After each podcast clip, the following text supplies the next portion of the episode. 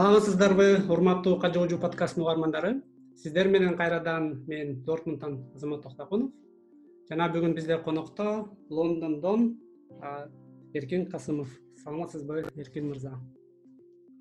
Саламатсызбы азамат байке саламатсызбы угуучулар. Э, менин атым эркин. Азыркы убакытта лондондо программист болуп иштейм. Өзүм э, каракол шаарынан э, төрөлүп өсүп мектепти бүтүргөм караколдон. Бүтүргөндөн кийин бишкекке кыргыз орус славян университетине тапшырып прикладная математика жана информатика кесибин бүтүргөм негизи кандай десем мектептен эле өзүм программированияга алгебрага математикага негизи кызыгып келе жүрөм. Азыркы мезгилде лондондо программист болуп иштейм делойт компаниясында лондондо жашаганым бешке чукулдап баратат кыскача айта кетсем өзүмдүн карьерамды э, университетти бүтөөрдө бешинчи курстан баштап эле дипломный жаза баштаганда иштей башташат го көп студенттер. Ошондо бир консалтинговый компанияга орношуп иштеп баштагам. Андан кийин бүтөөрүм менен казакстанга астана шаарына программист катары ошо иштегем казакстанда бир жыл жүрдүм. Тоже программист. Андан кийин бишкекке кайтып келип жеке бир э, фирмада кайрадан эле программист болуп кыргызстан ал кезде салык кызматын модернизация болуп жаткан мезгил эле ошондо ошол менин жеке компания иштегеним мамлекеттик заказ аткарып салык кызматына программа түзүп бердик элек ал жерде бир үч жылдай иштедим. Үч жылдан бир аз ашыгыраак. Андан кийин ушу лондонго көчүп лондондо азыркыга чейин иштеп келатам. Эмне болуп ошо ой келип калды? Компьютерди окуш керек. Эмне кандай случай болду ошол компьютер тандап айтиге өткөнгө мен үчүн өзүмдүн кандайдыр карьерам же программист болоорум э, мектептен эле башталса керек. Э, негизи эле өзүм э, ошондой кандай точный наукаларга жөндөмүм бар экенин бешинчи алтынчы класста эле өзүм байкап алгебра геометрия сабактары башталганда эле ошолорго өтө кызыгып жүрчүмүн. Анан мектепте жана олимпиадалар өтөт эмеспи. Ошолорго катышып алгебра геометриядан башында катышып баштадым кийин физикага өттүм. Анан мен балким азыркы учурда программист болгонум бир тогузунчу класста бир окуя болду го себеби мындай болду да. Менин мектебимде математика жагынан бир күчтүү эжей окутчу эле бизди. Анан физика физикадан тоже күчтүү завуч эжей окутчу эле анан орто жерден айтып кеткендей бир алгебрага бир физика олимпиадасына катышып ал кезде жетинчи сегизинчи класс мектептен ары чыкчу эмес олимпиадалар ошо внутри мектеп эле болчу да мектеп ичинде. Анан Э, кандайдыр бир эжейлер талашкансып калышты тогузунчу класска жакындап калганда э, себеби тогузунчу класстан баштап э, мектептин окутуучулары шаардыкына анан облустукуна андан ары олимпиадаларга катышчу эле. Ошондо талашып калышкан мезгилде информатика сабагында отуруп информатика эжей Э, ошо балдар жок болуп атат катышканга ким болот дегенде шак эле колумду көтөрүп информатикадан олимпиадасына катышып калдым да тогузунчу класстан баштапчы. э, бул бир окуя бирок албетте карьеранын турушуна бир окуядан турбайт. Э, андан ары көп нерселер болду албетте. Азыркы учурда программист болуп отурушум. Бирок негизги айтышым ошо мектептен эле өзүмдүн Э, кызыгым бар эле да өзүмдүн. Сиздин э, окуяларыңыз э, жашооңуз меникине чындап эле окшош экен мектепте жүргөндө биринчи олимпиадаларга катышып ошо математикадан биологиядан анан кийин информатикадан катышып негизи ушундай бир чоң видео жаздырып бергем кызыккандар болсо дагы көрөт болуш керек. Анан ушу байкап көрсөм чындап эле карьеранын негизи ушу айти турушу деги эле баягы бир чоң э, ишке жетем десең башынан баштап эле кызыгып башташың керек да окууга сабакка математикага э, деги эле сабакка мындай окуганга аракет кылып тапшырмаларды аткарып анан көп көңүл буруп көп оюнга аралашып тыштап салбай. Анткени негизи бизде мектептерде акыркы класстарда окуп атканда же жетинчи сегизинчи тогузунчу класстарда окуп жатканда көп алаксып анан баягы мектептеги чоң балдар менен кошулуп бир башкача жумуштар жазып баштайсың го. Эл э, артына ээрчипчи ошондойлорду токтотуп анан сабак окуганга аракет кылыш керек да. Канчалык ошол убакытта э, жаман көрүнбөңүз да. Эмнегедир бизде ушундай бир көз караш бар мисалы отличник болуп же көп сабак окусаң сени бир көп баягы неудачник катары ийгиликке жетпеген катары карап мындай күлүп тургандай сезилет да. Анан көп убакыттан кийин өткөндөн кийин байкасаң чындап эле мектепте жакшы окугандар кийин көп ийгиликке жетишет. Ушундай бир мыйзам ченемдүүлүктү байкадым да. Анан ошонун артынан да германиядан кичинекей балдардын ушу окуусуна аябай көп көңүл бурушат да. Анан баягы мектепте биякта эч кандай баягы рекет деген жок бири бирине шылдыңдамай деген жок. Анан ошонун арты менен акырындан э, карьера курушат анан. Ошол мамлекет э, кандайдыр бир чоң экономикалык жетишкендиктерге жетет да. Ошол далил болуп мисалы мындай көбүбүз азыр кызыктуу подкаст жаздырып аткан кезибизде абдан туура айтып кеттиңиз. Мен кандайдыр Э, мектепти эстегенде кандайдыр бир батан дегендей бир терминология эске келет да очки кийип алып компьютердин алдында отуруп алып эле бирдеме чукулап отурган. Бирок сиз айткандай э, ошо көбү э, тескеринче кабыл алган мезгил болот. Ошол ошол учурда балким азыр ойлосом мага өзүм өз бир тууган байкелерим жардам берип кетти да. Себеби Э, алар менден улуу болуп э, туура багыт берип туура насыят бергендери мага күч болду да. Себеби э, мен эки бир тууган агам бар. Бирөөсү ошо кандайдыр окууга өзү жакыныраак эмес бирок адамдар менен жакшы сүйлөшкөнгө өзүнүн мүнөзү ошондой да анан мага айтып калды ошол азыр окуп жүргөндөр э, азыр кандайдыр бир мектептин түшүнүгү боюнча э, кандай жүдөп десем болуу туурабы туура эмеспи. Э, ошондой балдар кийин бирдемеге жетиши мүмкүн. Көбүрөөк немеси бар дегендей. Бирок эми албетте ар бир адамдын өзү жолу болот да.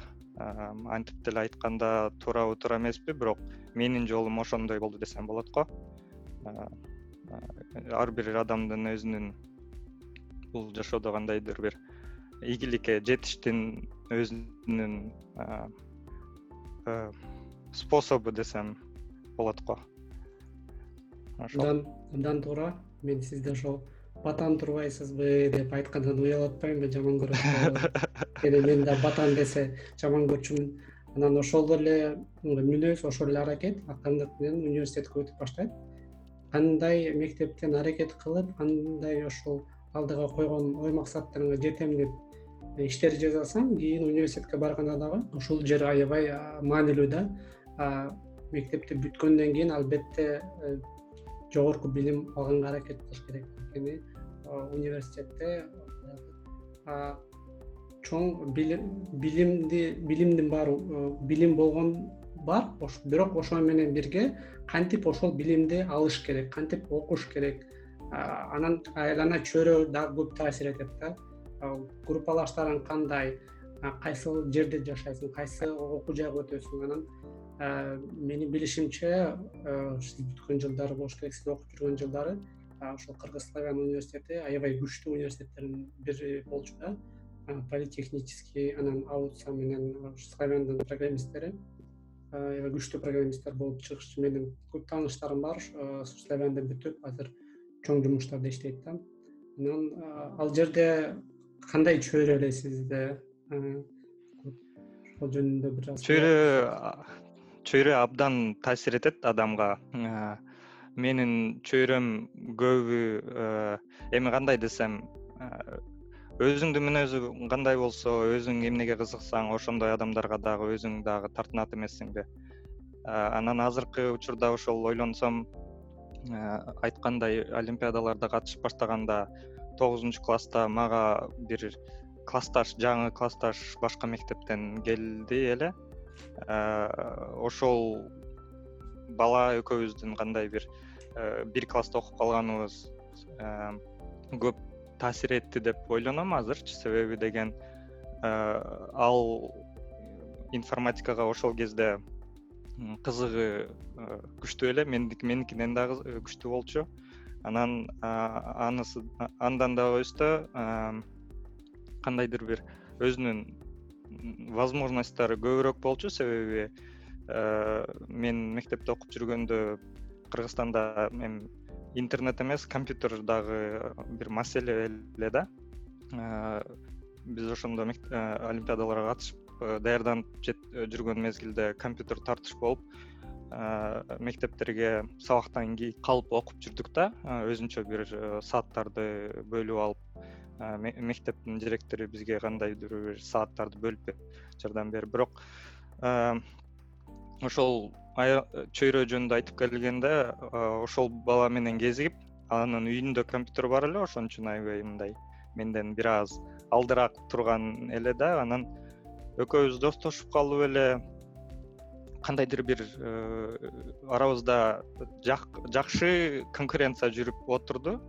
Экөөбүз тең олимпиадаларга катышып экөөбүз тең информатикадан чогуу даярданып анан бирок албетте бир аз атаандашкан себеби биринчи орун деген бир эле.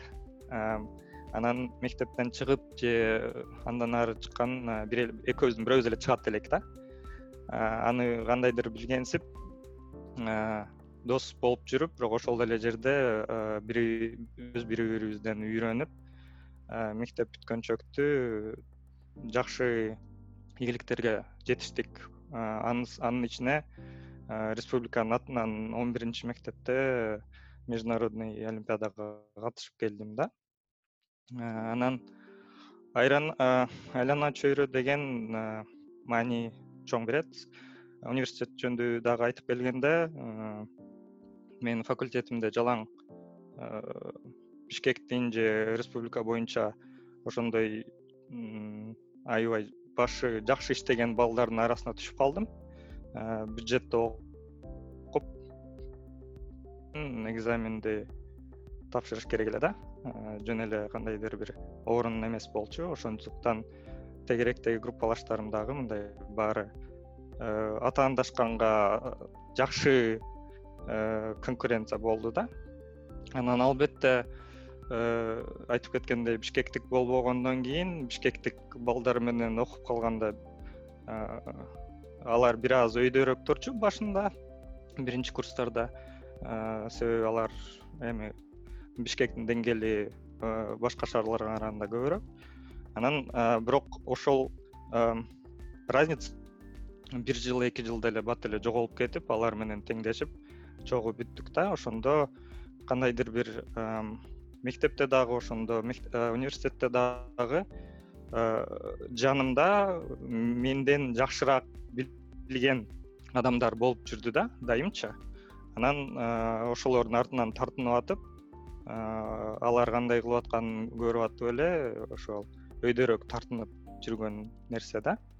Анан алдын ала бир аз сөздү жүгүртүп айтып кетсем азыркы учурда ушундай э, ойго түшүп калыптырмын. Э, программист болуш үчүн программисттин жанында болуу жарым программист болуу дароо элечи ошондо мисалы эгерде айтиде иштейм же айтиге котором деген угуучулар болсо чөйрөсүнө кириш бул биринчи кадамдардын биринчиси болсо керек. Себеби ошол чөйрөгө төшөп программисттердин арасында болгону эле бул жарым иштин жарым иш да ошондо.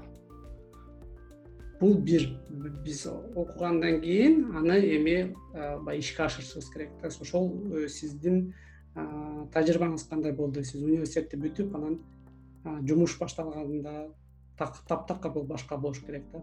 Эми мен көп изденген жокмун айтып кеткендей башынан эле кандай өзүмдүн кызыкканымды билип программист болооруна башынан эле умтулчумун жада калса мектепте окуп жүргөндө эле кандайдыр бир максат азыркы максатка коюптурмун ошол мыкты адист болуп программист болуп чет өлкөгө бир кетип иштеп көрөйүн деген оюм азыр эстесем мектепте эле пайда болуптур да. Анан түшүнүп түшүнбөс эле ошого тартыныптырмын да. Ошон ошол себептердин бирөөсүндө балким азыр мына ошо лондондо иштеп аткан себептери болсо керек. Анан эми университет бүткөндө сиз айткандай чын эле жаңы жашоо башталгандай да. Э, мына макул окудум. Э, жакшы э, убакыт өткөздүм баардык алдым бирок ошол билимди эми жашоого колдоно башташ керек дегендей. Ал жагынан өмүр эле бою карьерам боюнча айтиде иштегеним абдан жакшы жеңилдик берип келе жатат азыркы убакытка чейин эле себеби мисалы менин жанымдагы эле жүргөн балдарды карап көрсөм башка тармактагы иштеген финансы болобу укук тармагында болобу алардын жолдору же жумуш издеп табуу бир аз татаалыраак оорураактай сезилет да мен үчүнчү. Анан айтиде иштегеним эч качан мындай бир Э, жумуш жок калды э, жумушсуз калдым дегенге ушул мезгилге чейин жете элекмин э, бош жумуш алмаштырып аткан кезде дагы мындай бош отурган мезгилим да болгон жок да. Ошондуктан эми айтып кеткендей бешинчи курста эле өзүм иштеп баштагам. Эң биринчи иштегеним консалтинговый компанияга кирип crm системасына интеграция иштеп баштагам бишкек бишкекте бирок бир жакпаган нерсе болду. Ал жумушта crm система ал даяр система болчу. Бир российский компаниядан сатып алып биз интеграция кылчубуз да. Менин максатым бул программист болуу болчу да. Анан негизи бул консалтинг тарабында программирование көп болсо керек бирок кандайдыр бир көп э, маанилүү бербейт. Көбүрөөк мындай интеграцияга маанилүү берген э, тармак да. Анан э, мен код жазгандын ордуна настройка кылып отурганым көп жакпай ошон үчүн жумуш алмаштырганга аракет кылдым да. Кантип сиз ошол улуу британияга лондонго кантип кетип калдыңыз? Кандай кандай ой келди? Атайын даярдандыңыз беле же бир случай болдубу бишкекте менин оюмча бизнес центр э, россияда делойттун э, немеси бар болчу офиси а жок мен бишкекте делойтто иштеген жокмун. Синам деген компания бар болчу бул өзү азербайжанский компания да өйдө да айтып кеткендей салык кызматына система жазып э, бердик да ал жерде иштегеним үч жыл болду. Ошондо проект өзү мен кошула электе эле бир аз эртерээк башталыптыр ошондо бир үч төрт жыл система жазылды. Негизи компания өзү чет өлкөлүк болбостон өзүбүз иштеп отурган балдар көбү кыргыз балдар эле да кыргыз программисттер балдар отуруп иштегенбиз. Болгону бир эки адам руководство жактан мындай high level карап турган программисттер болчу. Бирок иштин баарын ошо биз аткардык десек болот го. Анан эми лондонго көчкөнүм бир нече себептер болду болуш керек. Биринчиден айтып кеткендей ошол чет өлкөгө кызыгып жүрдүм мектептен эле айтып кеткендей кандай болду экен ал жерде жашоо кандай себеби деген кыргызстанда жүргөндө көп нерсени угасың бирок өзүң өз көзүң менен көрмөйүнчө сезмейинче болбойт экен. Анан бир себеп. Экинчи себеп негизи өзүмдүн карьерамда азыр жыйынтыктап көрсөм бир системанын үстүнө бир эки үч жыл иштегенде бир кандайдыр бир скучно боло баштайт экен да программистке. Системанын чоңдугуна жараша албетте. Бирок биринчи жыл мисалы системага менен таанышып көбүрөөк изилдеп ар кайсы модулдарын көбүрөөк билип чыккан убакыт болот экен. Экинчи жыл үйрөнгөнүңдү кайра системаны системага салым кошуп көбөйтүп чоңойтуп жакшыртып чыккан мезгил болот экен. Анан үчүнчү жылы өзүңдүн баардык илхомуңду бергенден кийин эми эмне кылам дегендей мезгил такалат экенсиң да. Анан ошол айтып кеткендей үчүнчү жыл окуп баштагандан жумуш издей баштадым. Башка эми кызык деген катуу нерсе экен кечке эле ушул бир кодду тазалай берсең ташап кетет экенсиң да. Анан жумуш издеп баштап чынын айтсам бишкектен маркет негизи айти маркети кандайдыр бир жакшы возможность мага бербей койду деп ойлоном себеби деген эми зарплатам шүгүр болчу жакты эле болчу жаман деп айта албайм. Анан издегенде кандайдыр бир өнүгүүгө жол издедим да. Башка бир компания издегенде системасы боюнча бирдеме үйрөнүп жаңы бир нерсе колдонуп жаңы технологиялар колдонгонду зарплатасын албетте карайсың. Команданы карайсың канчалык күчтүү команда себеби айтып кеткендей чөйрө тегерегиңдеги адистер кандай болсо командаң кандай болсо сен дагы ошондой ошондой деңгээлде акыры болосуң да? Сенден ылдый болсо пастайсың сенден өйдө болсо өйдө тартынасың дегендей. Ошондуктан өйдөрөөк өзүмдүн деңгээлим издедим да бир нече убакыт. Көп эле издедим. Бир баардык компания эмес албетте. Бир жети сегиз он чакты компания интервью өттүм да. Анан кызыктуу предложениялар болду. Бирок менин өзүмдүн көңүлүм тойгондой макул ушул жерде эмдиги үч төрт жыл иштейм дегендей таба албай койдум да. Бирок ошол жерден ошол убакытта кыргызстанда кандай компаниялар бар экенин кандай системаларды иштеп аткандарын абдан кызыктуу жерлерин мындай бир билип чыктым да. Анан ошол негизги лондон деп мен өзүм максат эмесмин чынын айтсам. Албетте программист болгондон кийин америка максатым болчу бирок ошол америкага жакшы жолум ачылган жок. Виза тарабынан такыр туюк болуп отуруп алды. Негизи мен лондонго айта кетсем айsec global talent деген программа менен келгем. Бул программа студенттерге студенттерге стажировка таап берүүчү программа да дүйнөлүк негизи мүчөлөрү студенттер волонтерлор болот иштетет. Анан жакшы жери мага кандайдыр бир жаккан жери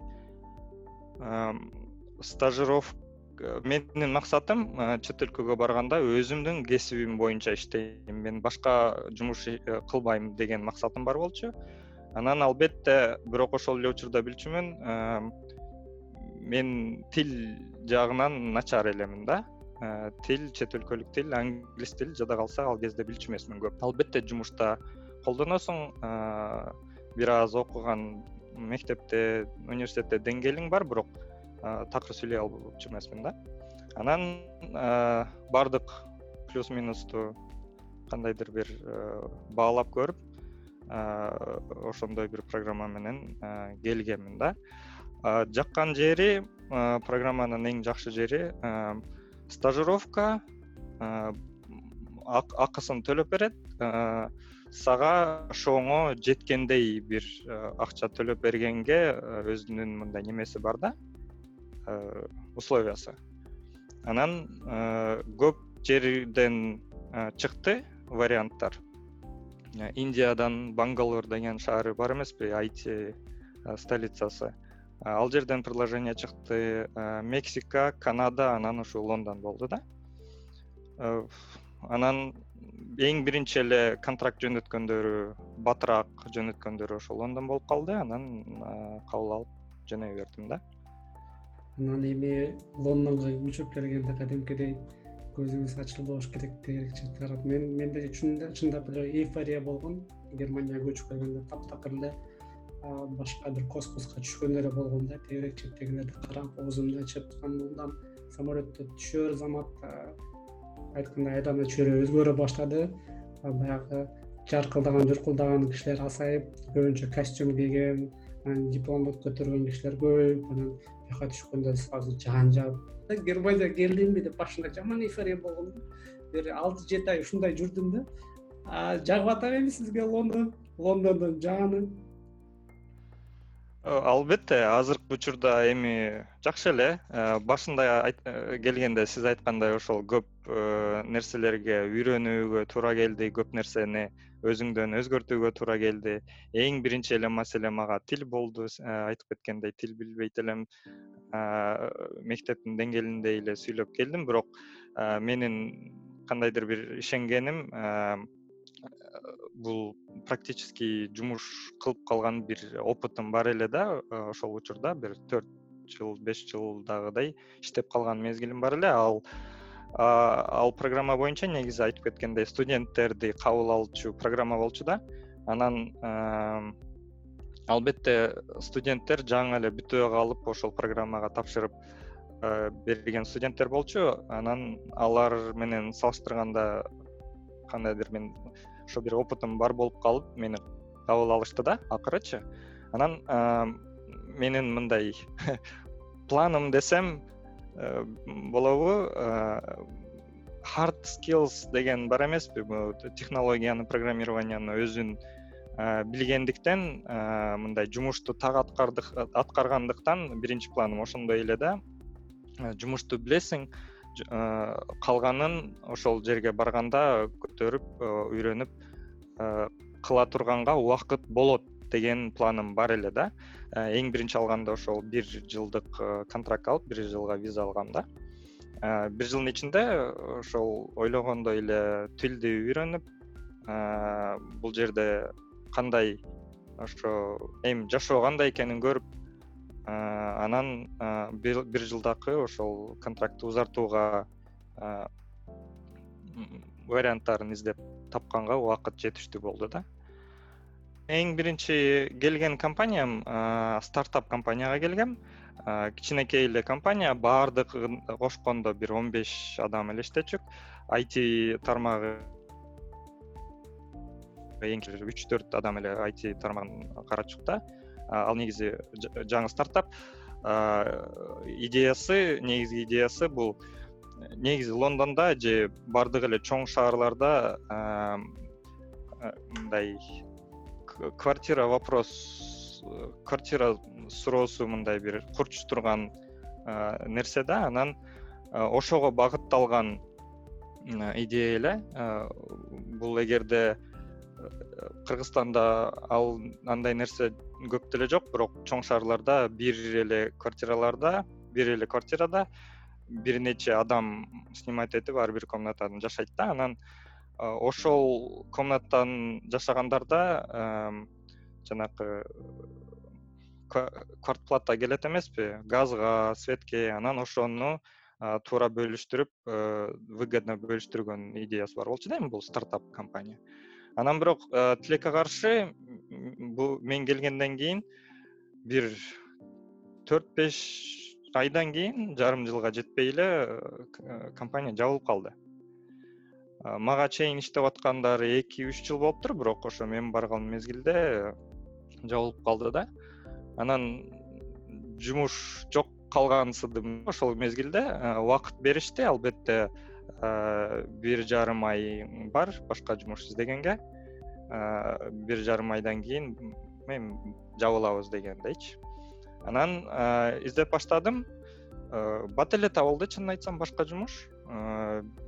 Бир жума эки жуманын ичинде эле башка компания менен чалышып барып физический отуруп интервью өтүп кол алышып Э, контракт кол коюштум да анан ошол бир жарым ай берилгенден күтпөй эле бир э, үч төрт жумада эле которуп кеттим да.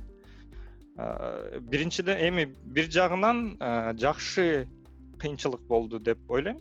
Себеби деген кыйынчылыктан өтүп чыкканда билип каласың маселе эмес экенин бул чечилчү нерсе экенин. Анан кийинки компаниям жеке компания болду бул кайра эле кыргызстанда андай бизнес бир аз башталгансып атат бирок жакшы өнүгө элек.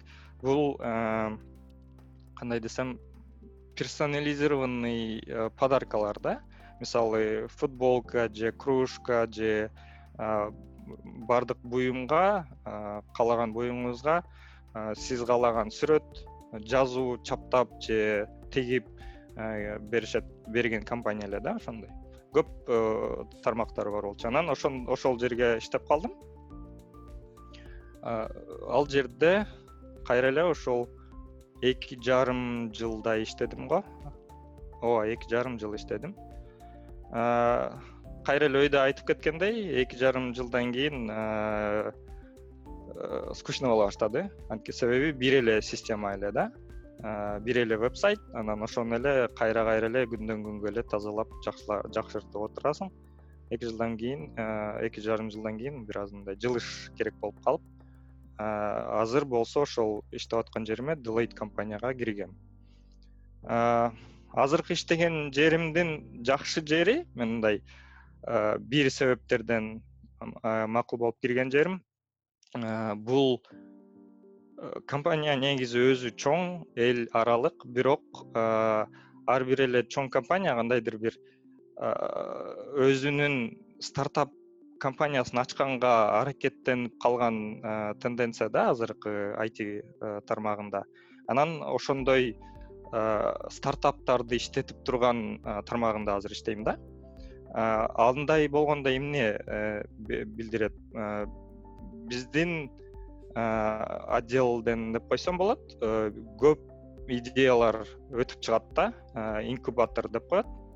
Ошо ар кандай идеяларды чогултуп келишип аларды мындай тест кылып анан эгерде макул бул жараган идея десе анда уже бизге программисттерге берилет да мындай жасап чыгуугачы иштеп чыгууга. Анан ошо кызыккан нерсем бул жерде ошондой мүмкүнчүлүк бар да бир эле проектте отурбастан убакыт убакыт сайын алмаштырып турганга проектилер себеби ар кандай идеялар келип турат. Бир бир кандайдыр бир платформа түзүп атабыз азыр ошонун үстүнө платформанын үстүнө кандайдыр бир продукт чыгарган конвейер десем болобу болбойбу ошол ошондойдун үстүнөн азыр иштеп жаткан мезгилибиз да ошол конкретно азыркы иштеп жаткан идеямды э, жумушумду айтып кетсем эгерде болобу же сиз бирдемени айтыңыз жок э, идеям дегенде сүйүнүп кеттим азыр ах азыр э, ошо сурайын деп аткам негизи лондон деген ошол мировая столица десе болот бизнестин азыр айтинин көп стартаптар ачылат көп стартаптар ачылганда көбү жабылат кайра стартаптар деген ушундай эмеспи. Оноу ачылса жаңы стартап баштаганда жаңы долбоор баштаганда оноун ачсаң ошонун тогузоосу жабылат да бирөөсү иштейт да. Анан эч качан баягы жеңилип калбастан кайра жаңы жаңы ачып туруш керек да. Анан эми азыр сиз э, эмне иш кыласыз? Ооба программистсиз э, программа жазасыз код жазасыз бирок эми кичине бизде айти айтиге кызыккандар айтиде иштегендер дагы болушат. Анан ошол бир техника технология жагындагы сүйлөшсөк эмне кандай язык программирование колдоносуңар?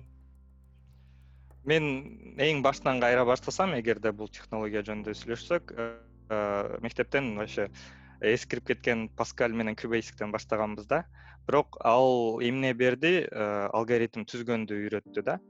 Албетте бул тилдер азыркы учурда э, колдонулбайт. Кийин c плюс плюска өткөнгө аракет кылдым да. Айтып кеткендей ошо казакстанда иштеп жүргөндө c плюс плюста жазып жүрдүм. Бир бир жылдай иштедим да c плюс плюстан анан бирок э, бара бара мындай маркетти карап көрсөм c плюс плюста жумуш азыраак өңдөндү карап көрсөмчү. Себеби деген c плюс плюс мындай бир оорураак задачаларды чыгарганга колдонулат да. Инженерия жакында болобу же мындай бир. Көп эле жумуш программисттин көбү азыркы учурда мындай веб программирование болуп калды да. Баардыгы эмес албетте көбү анан ошону байкаштырып э, dot netке э, өтүп кеткем c sharp э, тилине. Себеби бул тилди ошо университетте бизди үйрөтүп бир аз мындай жакыныраак болуп калгам да. Ортодон php менен да жазып көрдүм. Php мага көп мындай жакпай калгансыды. Себеби деген c sharp бир аз мындай объектный ориентирование болчу. Phpде деле бар албетте. Бирок Э, менин э, опытымда көбүрөөк мындай бир э, движоктор менен иштеп калдым да phpдечи анан движок же движоктор менен иштеген үчүнбү же эмне себептен көп мындай жаккан жок да магачы. Анан ошондуктан мындай башынан эле sharpка өтүп кеттим. Sharp менен иштеп атканым көп эле болду азыркы учурда азыр эми санасам билбейм канча жыл болду бирок эми алты жети жылдан ашып калды да. Анан бул менин кандайдыр бир негизги тилим деп айта алам азыркы учурда. Бирок айти тармагын өзүңүз билесиз да дайым алмашып өзгөрүлүп турат. Ар дайым жаңы нерселер келип турат бир анан үйрөнүп турууга бул айтиде мажбур да керек нерсе. Өмүр бою ошондой айтиге өтүп аткан кишилер болсо айта кетет элем айтиге өтсөңүз бул өмүр бою үйрөнүп жүрүү тармагы да. Башкаларга салыштырсам мисалы укук тармагында же мисалы финансы жагында кандайдыр бир өзүнчө бир закондор бар ошолорду билип алсаң балким өмүр бою ошо менен иштеп жүрө бере алгандай болсо керек бирок айтиде э, мисалы азыркы билип аткан билимиң э, бир төрт беш жылга жетпей эле э, жоголуп кетет да. Эгерде мындай алмаштырып жаңы технологиялардын үстүндө болуп турбасаңчы. Анан азыркы учурда python абдан өзүнчө популярдуу болуп атпайбы? Pythonдан жаза баштадым. Бирок бул кандайдыр бир тил эле да тил эле жөнүндө сүйлөп атканым тилден башка айтиде технологиялар бар албетте. Бул айырмасы жок. Кайсы тилде жазасың? Главный мындай негизги максат э, системаны жасап чыгыш. А система кайсы технологияда жасалган? Эми э, негизги заказчикке мындай айырмасы деле жок дегендей да? Ошондуктан эми азыр клауд э, программированияга көбүрөөк өтө баштадым. Себеби ушул лондондо жүргөн өзүмдүн опытым боюнча үч компанияда иштедим. Ошо үчөөндө тең клауд технологиялар колдонулуп келатты да. Кичинекей компания болобу стартап компания болобу же азыркы иштеп жаткан чоң окшогон чоң компаниялар болобу баардыгы клаудту абдан мындай бир абдан көп колдонушат да. Анан ошол тарабынан азыр azure менен aws сертификат алууга окуп атам. Күндөн күнгө дагы колдонобуз аны. О жакшы жакшы. Менин чөйрөмө өткөндөй сезилип сүйүнүп атам да. Э, тиги phpге көп чакпай калды деген ойлоп атат болушум деген тиги программисттердин арасында эң начар жана жаман коддордун баары phpде жазылат анткени ага кириш оңой анан көбү үйрөнүп баштаганда phpден үйрөнүшөт анан негизи веб бир жетимиш проценти эмеспи баягы күчтүү программист болом дегендер ич арада ушундай сөз бар да. Күчтүү программисттер phpде эч качан жазбайт көбүнчө ruby on railsде жазышат же болбосо башында c болчу анан javага өтүшөт java технологияларына анан sharp менен негизи ошол европага кетем дегендер болсо ошол asp net менен sharpты анан же болбосо жок дегенде javаны үйрөнгөнү жакшы. Анткени менин байкашымча европанын маркетинде же болбосо германиянын маркетинде бекендте c sharp менен java технология колдонгон чоң концерндер фирмалар көп анан сен туура айтып кеттиң клауд неме өн технологиялар өнүгүп баратат мен мурдакы жумушта иштеп жүргөндө бизди биз дагы ошол консалтинг болчубуз айти бирок биздин программисттерди ушул бирмингем шаарында бир компания сатып алып анан бул жактан учуп барып биржума иштеп анан кайра учуп келишчү анткени алардын сиз жазып аткан сайттардын баары баягы эски серверлерде туруп анан аларга көп акча коротуп свет кымбат анан э, баягы темирлери кымбат болгондуктан аларды оптимизировать кылыш үчүн ошол клаудка жылып да. Анан жанагындай масштабирование болуш деп ошол эле докерди же болбосо кибернет дегендерди колдонуп анан чындап эле азыр амазондун системалары дагы күчтүү ошол abstер анын ичинде да толтура немелер бар сервистеричи ошолорду колдонганга аракет кылышат. Анан бизде мисалы ойлонуп калганбыз windowсту колдонобуз деп анан билл гейтс мисалы дүйнө жүзүндө эң бай адам болчу да. Microsoft эң күчтүү алар windows чыгарган үчүн деле эмес алар деген ушул чоң концерндерге enterpriseга өзлөрүнүн технологияларын сатышат да. Биякта алар сатып алып аны колдонушат. Анын ичинде ошол жанагы айтып кеткен азураны клаудду колдонуп азыр өнүктүрүп атышат. Көптөгөн компаниялар сатып алып өнүктүрүп атышат.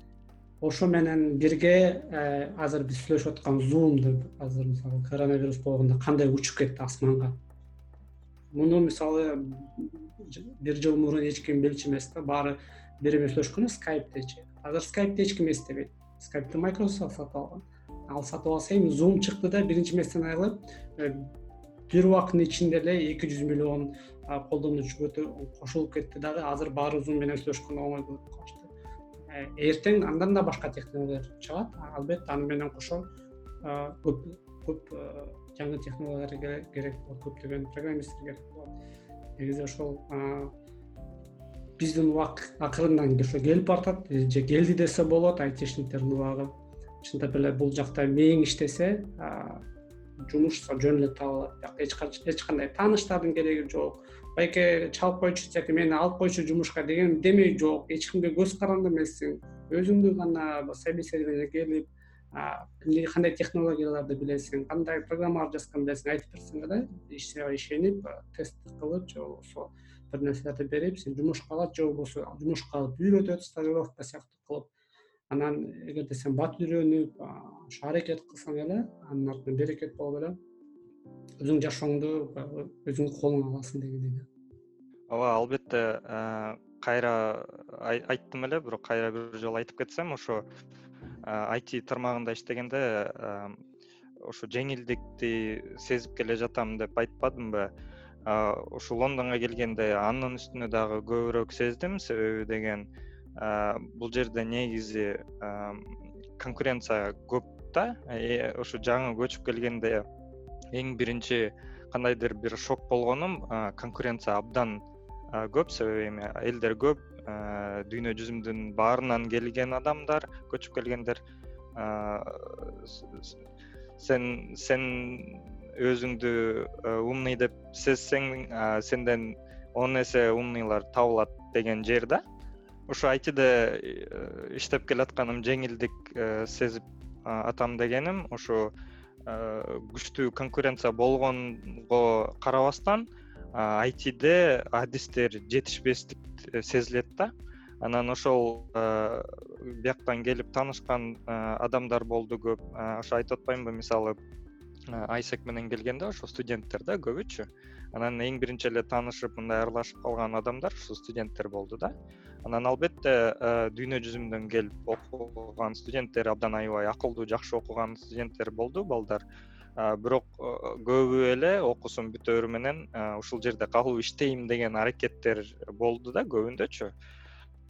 Тилекке каршы көбү кайра кеткенге мажбур болду. Себеби деген иштеген тармагы финансы же жанагы укук тармагында иштегендер же кандайдыр бир көп аябай конкуренция көп тармагында иштеп калган үчүн жумуш табылуу аябай кыйын болгон мындай өзүмдүн тегерегимдеги балдардан сездим да менчи.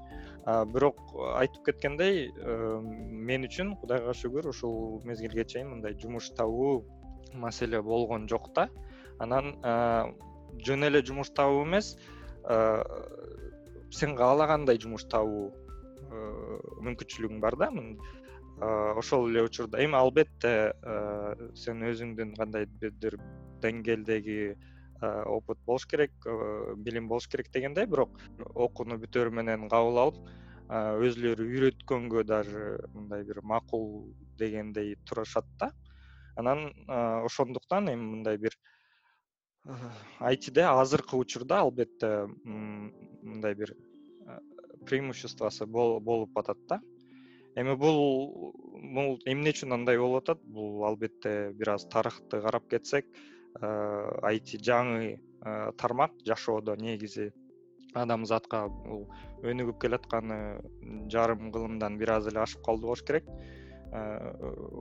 Адамдардын өзүнүн мындай жеке компьютер чыкканы мына токсонунчу эле жылдары чыкпадыбы андан кийин эле интернет пайда болду анан. Негизи эле өнүгүп келатканы бул канча бир жыйырма отуз жыл десең болот эми азыркы айти түзүлүшүчү.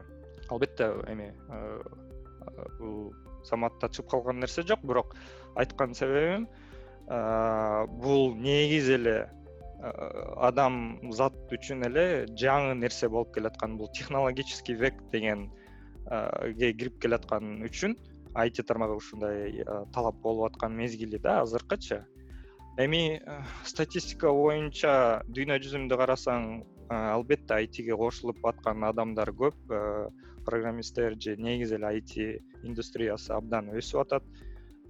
Бул талап эми жакында жоюлуп калат деген прогноздор азырынча жок. Бул талап өсөт деген эле прогноздор болуп атат. Эми балким бир мезгилинде албетте келет что спрос предложение жеткендей бири бирине биздин кырактагы жашоого ушундай талап болуп өтөт го деп шек этем да. Себеби деген азыр жаңы эле өнүгүп келаткан мезгили болуп келатат да. Ошондуктан эми мындай бир кандайдыр бир революционный нерсе десем жаңылышпайт болушум керек да ооба эл ойлойт болуш керек э булар башынан баштап эле мектептен баштап эле баштаптыр биз жетишпей калдык го депчи. Бирок чындап айтканда бул жаңы эле башталып атат. Жаңы эле эң жаңы башталды да. Азыркы э, кичинекей балдар телефонду кармап отургандар ошолор келгенде анан өнүгөт. Ага чейин бул жаңы башталып аткан нерсе баары алдыда да ошол ошонусу менен кызык. Жашоо айтиге өткөндө жашооң кадимкидей башкачага өзгөрүп жашооң кызык болуп баштайт да бул өзүнчө бир чоң дүйнө. Өзүнүн закондору бар өзүнүн э, кандайдыр бир мүмкүнчүлүктөрү ошол дүйнөнү ошол дүйнөгө э, адам катары э, бир бир чоң жакшы нерсени киргизгенге бизде дагы бир мүмкүнчүлүк бар да. Бир жашообузду өзгөрткөнгө ошол эле убакытта мисалы кыргызча сүйлөп кыргыз болгондуктан кыргызстан жөнүндө ойлосок дагы кыргызстан үчүн да бул чоң мүмкүнчүлүк. Азыркы жашоодо жанагы көп саясат деген нерселер көп болуп атат мисалы или социалдык жазсаң саясат же болбосо дагы башка нерселер. Ошондон көрө мисалы айти жакка бурулуп ошол мүмкүнчүлүктү колдонсок канча жолу айтып кеттик билим менен гана көтөрүп алабыз депчи бизде эч кандай кең жок. Чындап эле азыр э, көптөгөн курстар ачылып атат баары айтиге акырындан өтүп баратышат эми ошол мүмкүнчүлүктү колдонуп биздин мамлекетти өзгөртсөк болот. Биз мамлекетти бир чоң мамлекет куруп ошол эле неме индия сыяктуу баягы чоң күчтүү стартаптарды куруп же болбосо америка сыяктуу өзүбүздүн деле ушундай чоң чөйрөлөр жасасак болот да ошого азыр биздин деңгээлибизде жетейин деп жетейин деп баратат э, жетип келатат же болбосо мүмкүнчүлүктөр пайда болуп атат. Биз э, өткөндө данияр аманалиев менен сүйлөшкөндөй азыр биз дагы деле болсо бир кесилиште турабыз кайсыл жакка кетебиз? Эгерде ушул жаңы жаралып жаткан нерсени бузбай талкалабай бут сунбай кийлигишпей жөн гана инфраструктураны куруп бергенге мамлекет жардам берсе эле биздин ошо күчтүү билимдүү муундар көтөрүп кете алат да. Мен ошого ишенем деп ойлойм. Мен ушундай позитивдүү нерсе үмүттөнөм да ушундайгочу анан эми биз болсо бул чет мамлекетке кетсек дагы кандайдыр бир өз салымыбызды да кошо алабыз. Мисалы контент жаратуу же болбосо өзүбүздүн тажрыйбабыз менен бөлүшүү же болбосо бул жакта иштеп жаткан кишилерди карап алар кантип иштешет алардын бир кандайдыр тажрыйбасы менен бөлүшүү айтып берүү ошондой нерселерди куруп баштасак эле биздин салымыбыз болот да анан. Негизи бир немени эстетип кеттиңиз мен өзүм сизге кажы кужу деп жазып сүйлөшсөк кандай болот деп чыкпадымбы бул себеби мындай болду да жаңы ушу лондонго көчүп келгенде ушу айткандай төрт жарым беш жыл болуп калды. Бир нече убакыт өткөндөн кийин абдан мындай издендим да кандайдыр бир мындай айти тармагындагы чет өлкөдө иштеп жүргөн кыргызстандыктар ушу лондондо бар болду бекен эми себеби деген э, албетте бияка э, келип иштеп баштаганда э, кыргызстандыктарды издеген максат болот албетте издеп ошол мага окшогондор бар бекен деп айткандай өзүмдүн мындай коомумду өзүмө жакындарды издеп баштадым да. Анан келгенде эч кимди тааныбайт элем такыр эле эч кимди тааныбайм бияктагы кыргыздар англияда жашаган кыргыздар менен келгенден кийин тааныша баштадым да. Анан ушул убакытка чейин азыркы мезгилге чейин айрым айрым адистер бар. Мен тааныган боюнча эми мындай баарын тааныйм деп айта албайм кыргыздар жашап келаткан англияда. Бирок тааныгандарымдан мындай айрым айрым адистер бар. Бирок мындай платформа э, кандайдыр бир ошол адамдарды интерес боюнча же бир бир мындай максат боюнча бириктире турган чогулта турган платформа ушул мезгилге чейин мындай кыргызстандыктардын арасынан мындай таба элекмин да э, англиядачы. Анан бул эми эң башындагы издөөлөрүм болуп анан былтыр былтыр эмес э, былтыр ооба э, германияга эң биринчи жолу барып мындай эми европаны кыдырып ага чейин деле ошо германияга былтыр барып германиядагы жашаган кыргыздар менен кезигип мындай э, таанышкандарымды кеңейте баштадым дейм да. Анан ошол кезде болот алымкулов менен бетме бет тааныштым эле абдан жакшы кыргыз нетворк академиялык уюмун уюштурушуптур командасы менен. Ошол кезде айтып берип эмне максаттар экенин кандай максаттар экенин айтып берип абдан мени кызыктырган эле да ошондо деген жеке эле ал уюм эмес.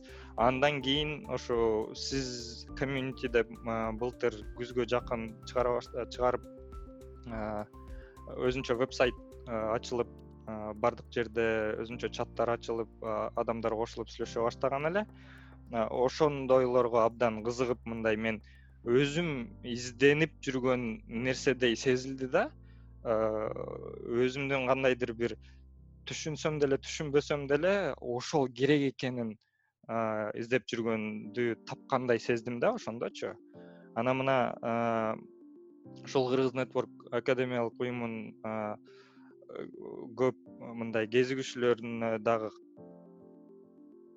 катыша алган жокмун себеби деген мурунку кезигүүчүлөрүм германияда өттү. Мен өзүм англияда болгондуктан физически барып катыша алган жокмун. Анан кийинки форумдарына э, удаленно катышканга болотун сурадым. Ошондо мына эң акыркысы абдан жакшы өттү го. Себеби деген ушу вируска тиешелүү болуп элдин баары үйдө отуруп баардыгы баардык эфир удаленно өттү да. Ошондо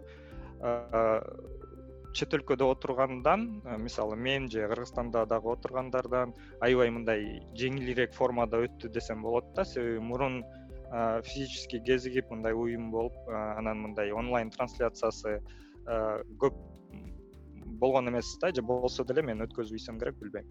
Анан ошол жактан сизге бир кандайдыр бир ыраазычылык билдирем себеби деген ушундай уюм менин оюмча керек да албетте.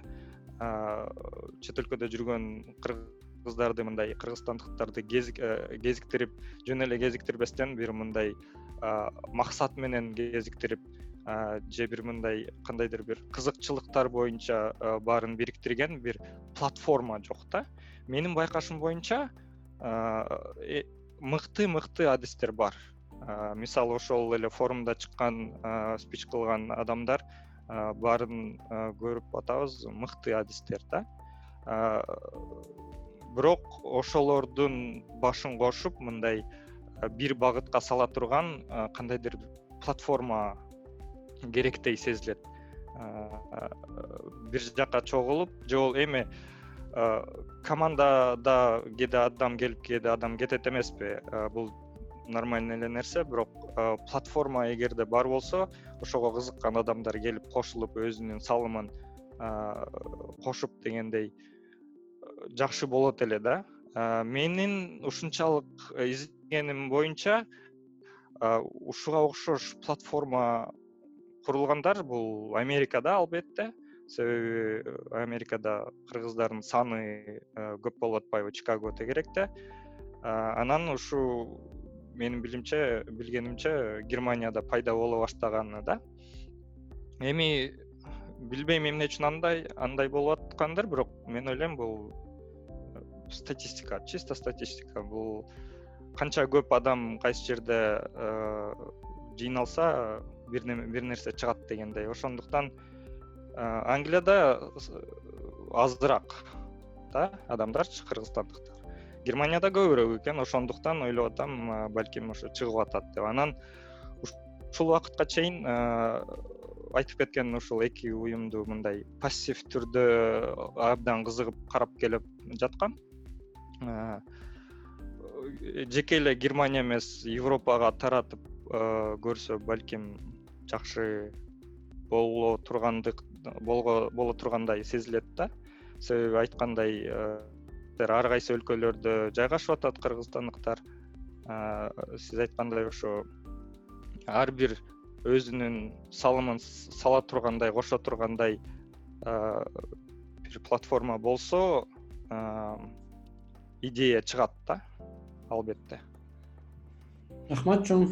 Жакшы маалыматтарды айтып кеттиң. Рас менин ордума мен кайра кайра реклама кылбай ал нерсенин баарын ооба чындап эле акыркы жылы көп өзгөрүүлөр болуп атат ооба мен да ошого ишенем. Эми жакшы сүйлөштүк окшойт. Ырас жакшы маалыматтарды алдык. Менин оюмча элдерде көп мотивация болуш керек.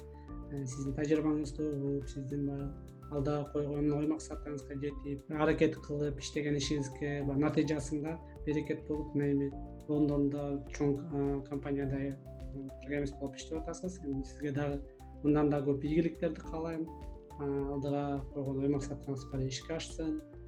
Анан ушу менен биздин подкастты аяктайт окшойбуз э? Чоң рахмат.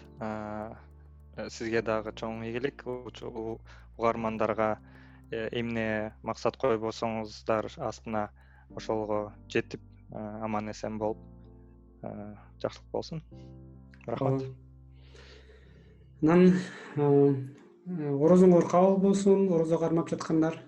Анан оорубаңыздар буюрса баары жакшы болот. Ушу менен сак саламатта туруңуздар